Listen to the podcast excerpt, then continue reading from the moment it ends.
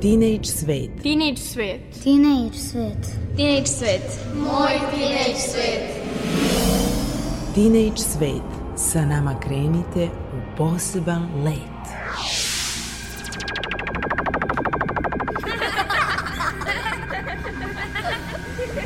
Kreativan dečji svet.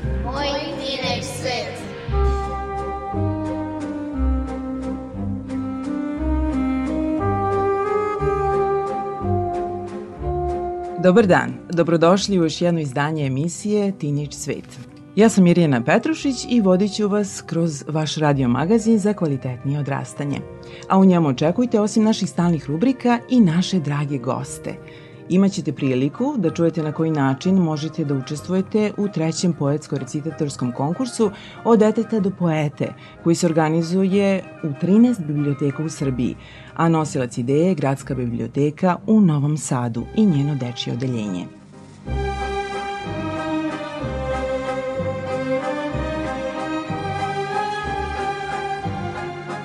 Naši dragi gosti s radosnim povodom su pobednici na nedavno završenim majskim večerskim igrama sa predstavom Med i mleko u režiji Maje Grgić, a sa nama je i nagrađena glumica Ivana Poček, koja je dobitnica specijalna, specijalne nagrade i priznanja za svoju ulogu u toj predstavi. Da krenemo od nagrada.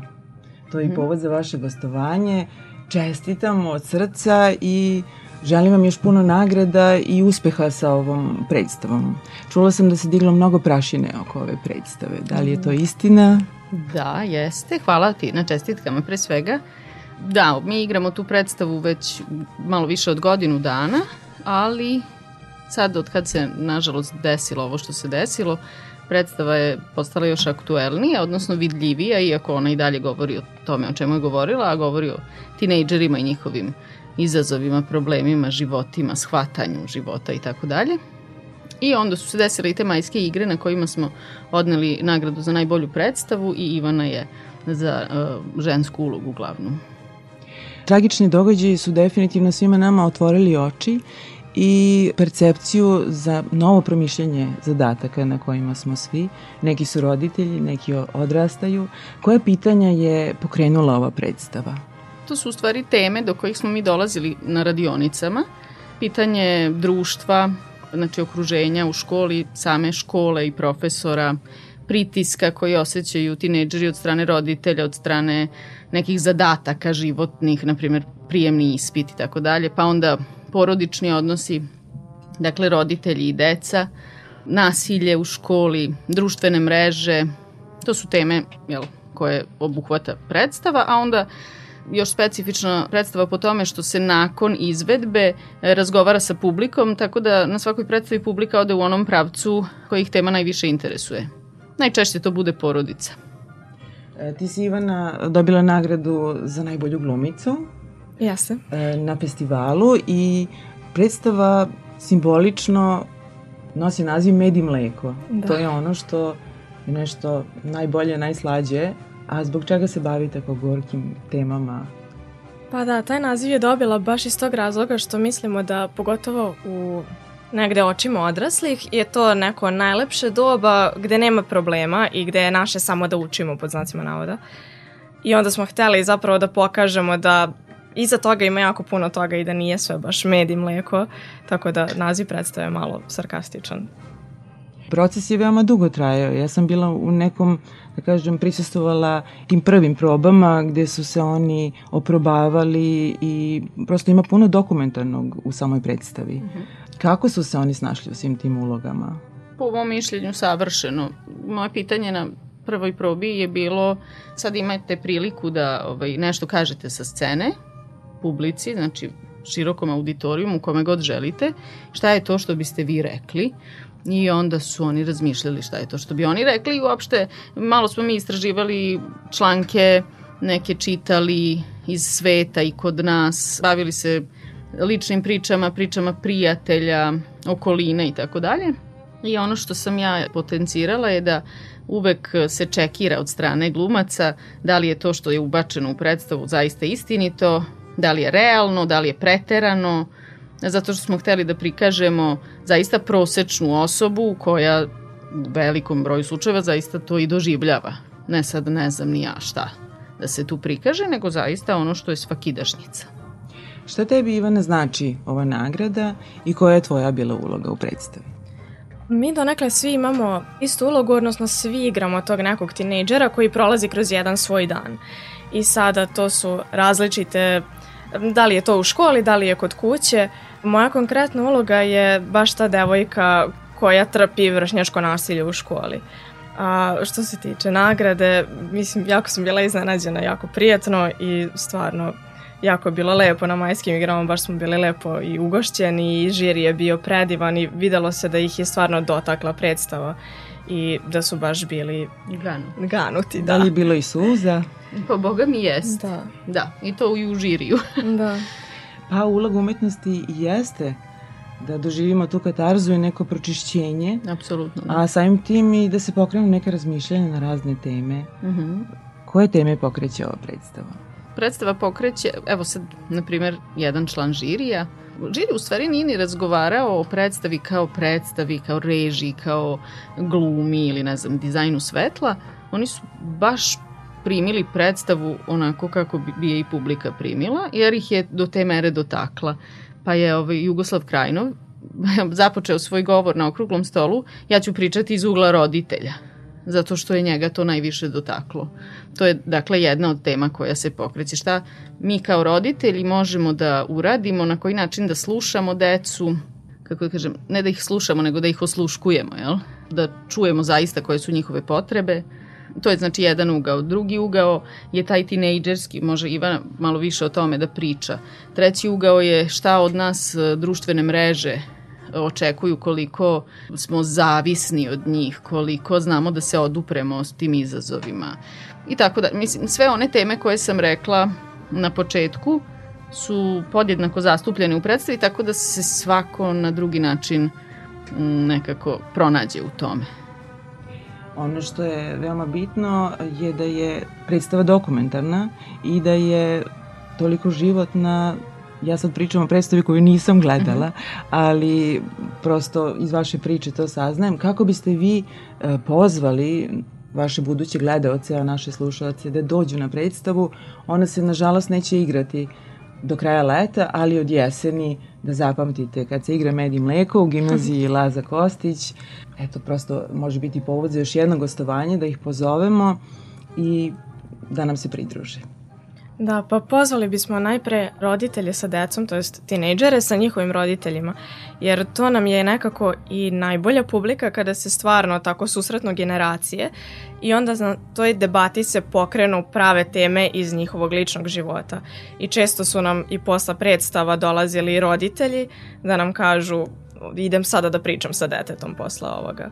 I da stvarno mislim da je to velika jedna stvar da će se nešto zapravo pokrenuti i da ne treba da se plašimo toga, nego da treba i mi kao tinejdžeri i neko kao roditelj ili kao nastavnik u školi jednostavno da budemo svesni svega što se dešava da bismo mogli jedni drugima da pomognemo.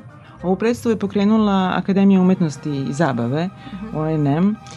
Da li je početna ideja bila njihova ili tvoja koja se rodila u radu sa tinejdžerima. Ja, to je zanimljivo, baš pitanje.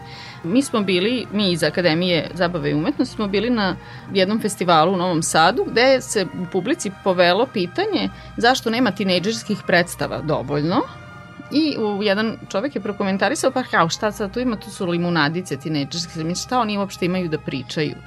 I onda smo mi kao iz nekog inata znači ta najstarija grupa, da ovaj, napravimo predstavu gde će se videti da eto, to baš i nije limunadica, a iako objektivno neki deo toga jeste beznačajan, e, iz ugla tinejdžera on svakako nije beznačajan. I to je, mislim, veoma bitna stvar u ovoj predstavi da roditelji mogu da vide kako do, tinejdžer to doživljava. Dakle, ako ne razume neko svoje dete, e ovde u ovoj predstavi može doći da shvati kako on to doživljava. Kako god nama izgledalo, ovo je način na koji tinejdžer to vidi. Ovi tragični događaji su definitivno pokrenuli i pitanje na koji način roditelji da se edukuju da budu dobri roditelji. Jer znamo da sve kreće od roditelja i iz kuće i mi najčešće i ne razumemo svoju decu, nažalost, a nekad ih i ne poznajemo, naročito u tom teenage periodu. I postoji i literatura na tu temu gde se vidi da se u tinejdžeru dešavaju najburnije emocije i najtananije i da su oni zapravo najranjiviji baš u tom periodu. Sa vama je u društvu i psihološkinja nakon uh mhm. -huh. debate, što Jeste. je veoma interesantno. Kakva su pitanja, kakvi su mhm. odgovori?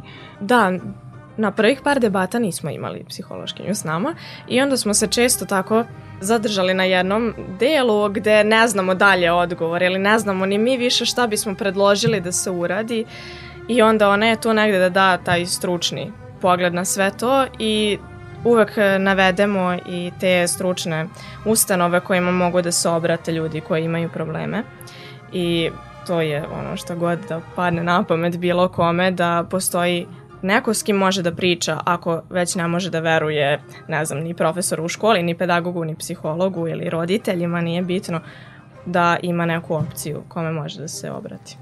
Da, i samo da dodam da Marija Đurđević, koja je psihološkinja kod nas na predstavi, uskoro na svakom izvođenju kaže da je najprirodnija stvar na svetu da tinejdžer neće da se obrati svom roditelju, zato što, eto, sad je došao u tu fazu života gde je tako nastrojen i to je prirodno, ne treba to uzeti za zlo detetu, niti lično shvatiti, već ga možda pitati s kim bi želeo da razgovaraš ako ne želiš sa mnom, sasvim je okej okay da ne želiš sa mnom, jel? A ti brojevi telefona mogu da se nađu na stranici, na Facebook stranici ili Instagram stranici Akademije zabave i umetnosti ONDM.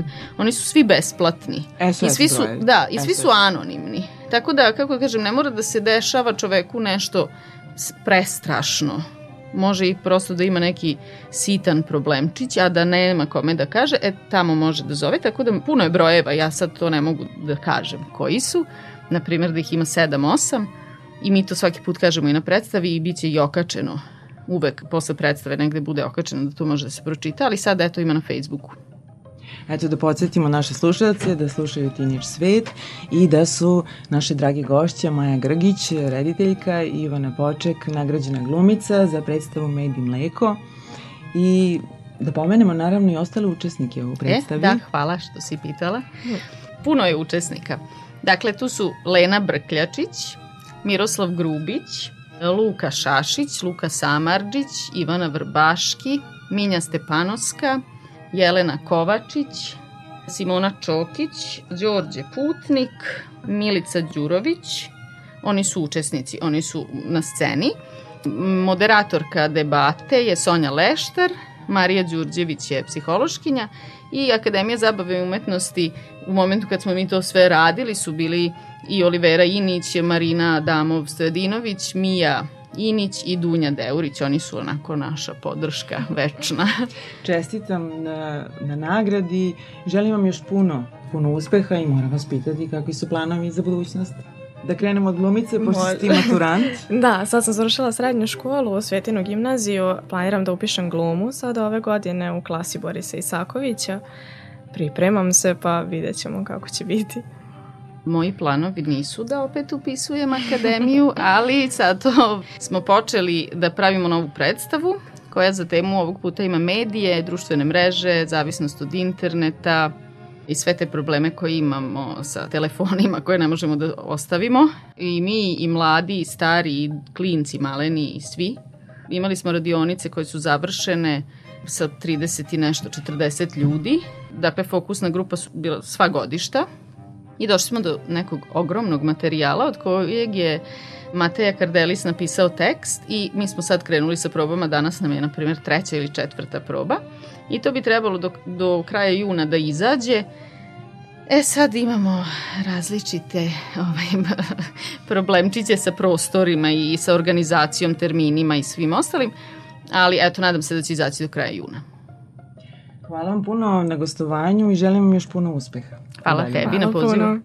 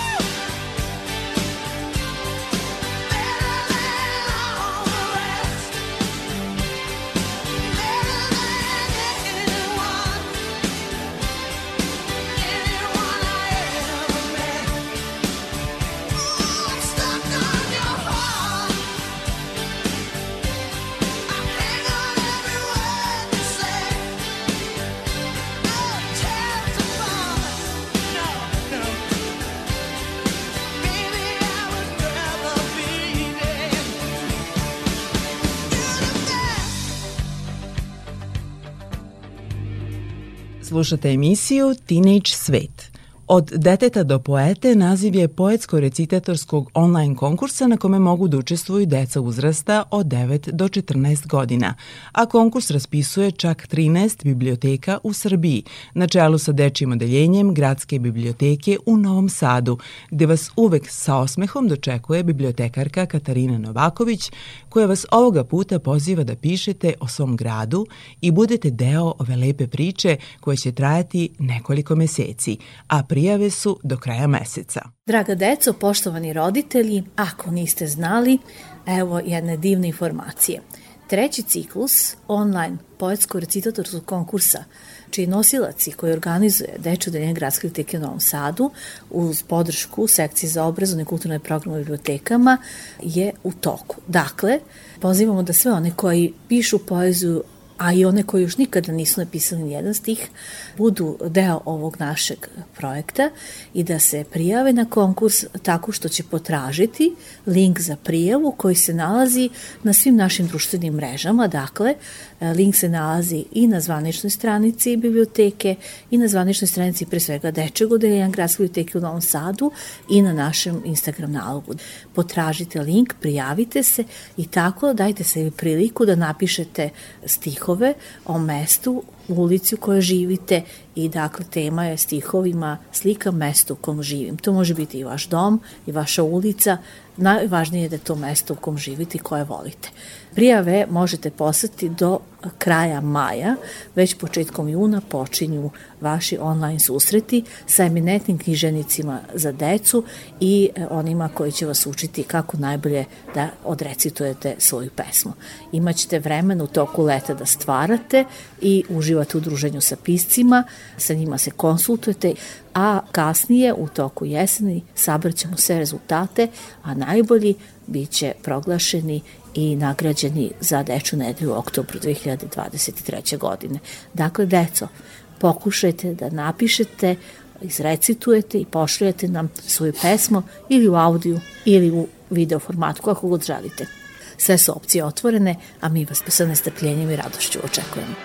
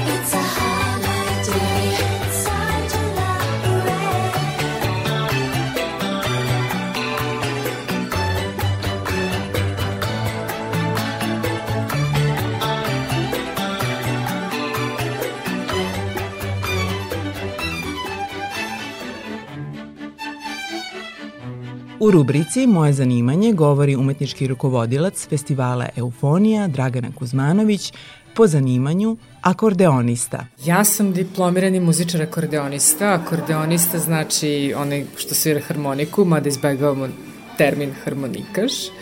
Više volimo da kažemo akordeonista, mada da kažemo što nije termin koji je zazvučao u našem muzičkom svetu. A sa druge strane, ja sam nastavnik isto u muzičkoj školi i učim decu da sviraju harmoniku. Dakle, baviš se i pedagoškim radom. Tako i pedagoškim radom, tako, tako. Šta bi posavjetovala tinejdžerima? Šta da slušaju? Pa, što se tiče muzike, e, ja, ja nekako primećujem među svojim učenicima da je, da je sada aktuelno svaštarenje i da nemamo više punk generacije, da nemamo više heavy metal, grunge i ostalo što je nekad bilo u moje mladosti. A sada ono što, što mislim, nekako bih posavjetovala da prosto budu svoji, da nađu neki svoj pravac, da slušaju ovako neke koncerte koji su interesantni. Mislim, evo videli ste večeras harmonika kako može da zvuči na potpuno neobičajni način. Tako da mislim da... I raskošno i veličanstveno i, I, strašno. ra- I strašno, tako je, tako je. Mislim, ja volim da kažem da je harmonika instrument 21. veka i da je sada naše vreme. Pa, neka bude tako. da, da, da. Hvala puno. Hvala puno i vama. U narednim minutima čućete priču za maštanje koju smo pripremili za vas.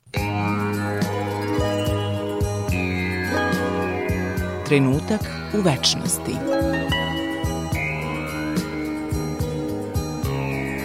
U redu, sine. Vreme je da krenemo. Tako brzo. Ali imao sam puno planova. Stvarno mi je žao, ali vreme je da krenemo.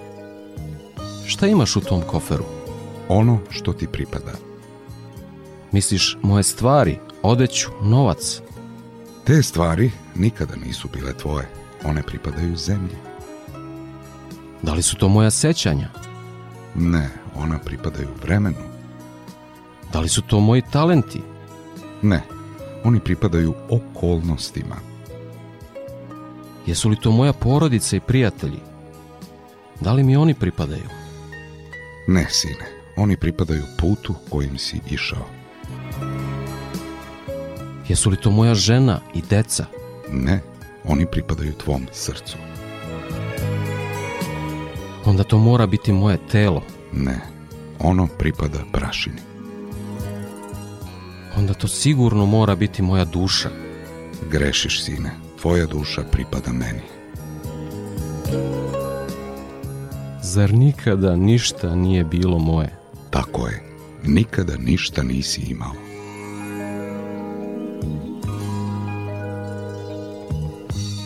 Šta je onda bilo moje? Tvoji trenuci, svaki trenutak koji si živeo bio je tvoj. Život je, drago moje dete, samo trenutak u večnosti, a večnost zaslužuješ ljubavlju.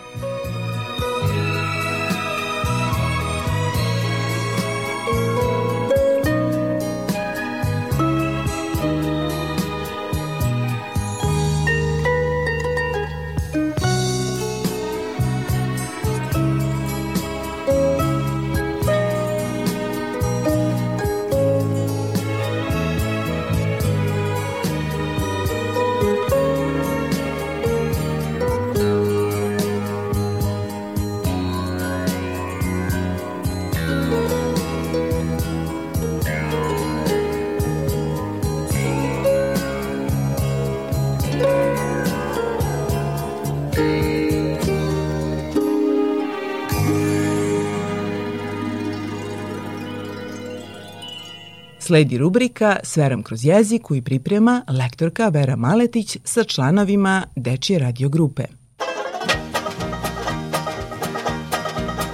S verom kroz jezik. Jezičke nedoumice za sve uzraste. Teenage svet. Znaš, Vera, jako se iznenadim kad neku reč duže upotrebljavam i mogla bih se zakleti da je to upravo tako kako govorim. I onda pročitam da to nije ispravno, nego da treba drugačije. Dešava se, šta da ti kažem. Svakog dana se nešto novo nauči. Imaš li neki primer za danas? Imam. Delikvent i delikvencija. Svi pričaju o delikventima, pogotovo o maloletničkoj delikvenciji. I sad čujem kako mi u toj reči fali jedan glas. Hoću reći slovo, kad je pišem. Tačno tako. Fali ti jedno N. Na je, znaš, malo nezgodan glas, ne čuje se baš jasno, jer vazduh prolazi kroz nos. Pogotovo ispred K i G. Nije šuštav kao Š i Ž, pa ga je lako progutati. Tako je progutan i u ovim tvojim rečima. Dakle, treba delinkvent i delinkvencija. E nije sad to neko izmislio da vas muči i zbunjuje, nego postoji razumno i vrlo jasno objašnjenje. Te dve reči, delinkvent i delinkvencija, vode poreklo od latinskog glagola delinquere, što znači skriviti, pa je tako delinkvent onaj koji je nešto skrivio, prestupnik. U tom latinskom glagolu, kao što vidiš i čuješ, postoji to n koje se nekako povuklo pred glasom k, pa se dobro ne čuje. Ljudi ga prosto nisu čuli i u brzini govora su zaboravili na njega, a on se ne sme zaboraviti jer na taj način se gubi veza s latinskom reči od koje je i naša postala. Znači, nije latinska reč delikvere, nego delinkvere, pa i naša stvorena od nje je delinkvent i delinkvencija. E, svašta ću ja još od tebe čuti. Hoćeš, bog me.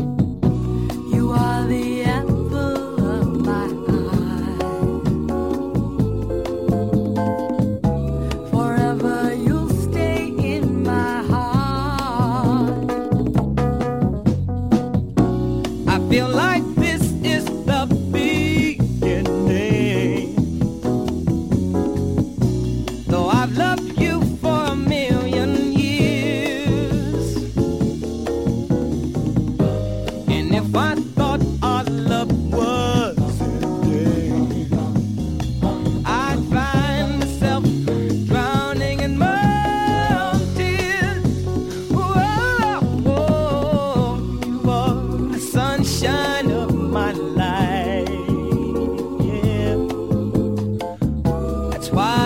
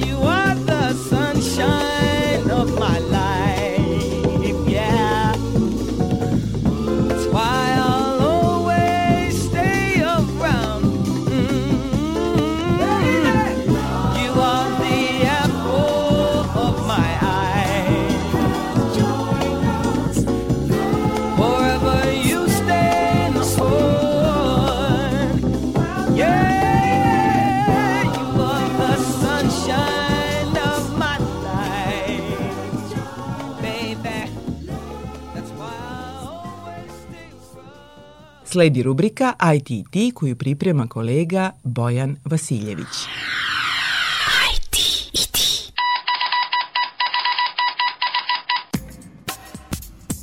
Ko je izumeo enigmu?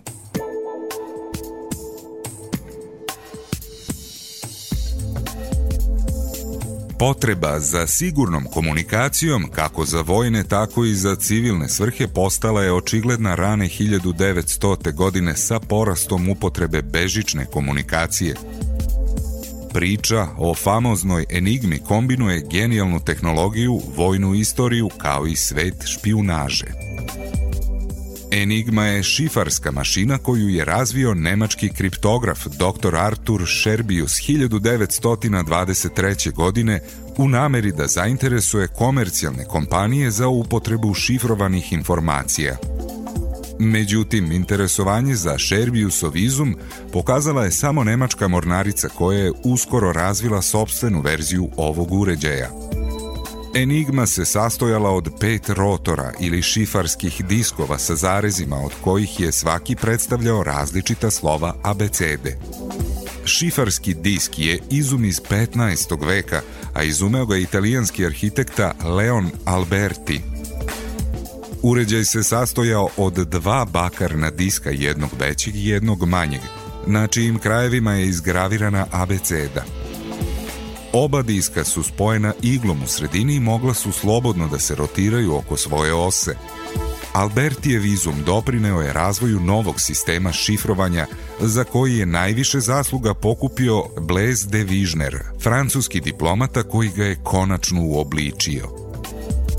Poruku šifrovanu enigmom primalac je mogao dešifrovati uz pomoć druge enigme, ali samo ako je bio upoznat sa odgovarajućim položajem rotora. Do 1933. godine čitav Wehrmacht koristio je enigmu koja je u narednim godinama doživela znatno unapređenja.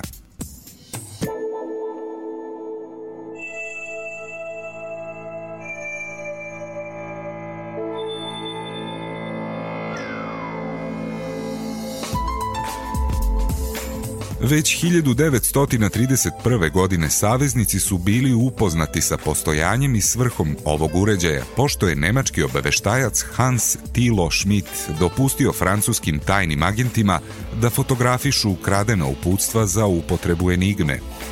Međutim, ni francuski ni britanski kriptolozi godinama nisu uspevali da razotkriju njenu šifru. U tome su sredinom 30. godina uspeli Poljaci, Tim koji je predvodio poljski matematičar Marijan Rajevski rekonstruisao je čitav uređaj sa svim detaljima, što je Poljacima omogućavalo da između 1933. i 1938. godine prate radio poruke nemačke armije. Kada su 1939. godine otpočele pripreme za nemačku invaziju na Poljsku, rezultati Rajevskog bili su prosleđeni Britancima. Tada je britanska tajna služba pokrenula takozvani projekat Ultra u Bletchley Parku 80 km severno od Londona. Projekat je okupio nekolicinu vrhunskih britanskih matematičara i kriptologa, koji su svakodnevno dešifrovali nemačke tajne poruke kodirane enigmom. Od septembra 1939. u državnoj školi za kodove i šifre istraživanje su vodili kriptoanalitičari Alan Turing i Dilly Knox. Svakodnevno je snimano preko 2000 šifrovanih radioporuka nemačke vojske, od kojih su neke bile poslate sa najvišeg nivoa, pa čak i od Adolfa Hitlera lično. Britanci su maja 1940. godine uspešno razbili enigmu nacističke avijacije, dok je za mornaričku verziju trebalo nešto više vremena. U tome su uspeli nakon zarobljavanja nemačke podmornice U-110, na kojoj se nalazila šifarska knjiga Enigme. U posedu Ministarstva odbrane i Vojske Srbije nalaze se četiri kompletne enigme kao i još tri u delovima. Vojska je došla u posed ovih mašina pred kraj drugog svetskog rata, u završnim operacijama četvrte armije, kada se grupa armije E pod komandom generala Lera predala, predat je velik deo opreme, među kojima su i enigme. Izumitelj Artur Sherbius je poginuo još pre drugog svetskog rata 1929. godine u nesreći sa kočijama.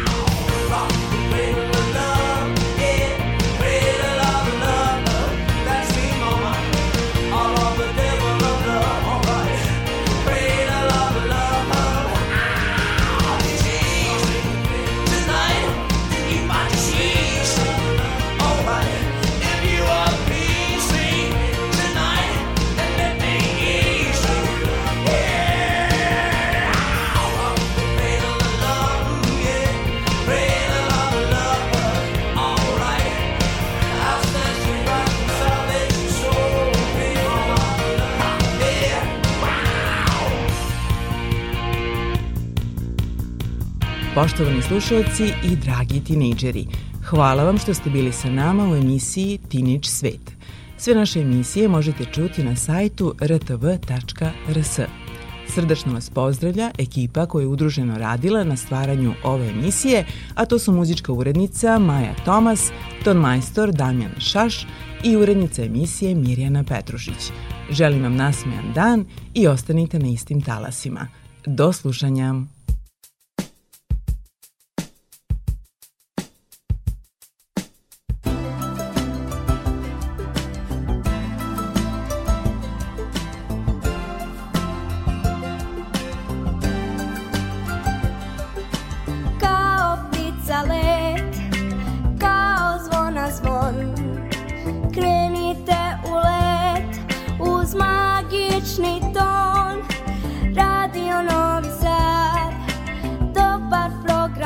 melody.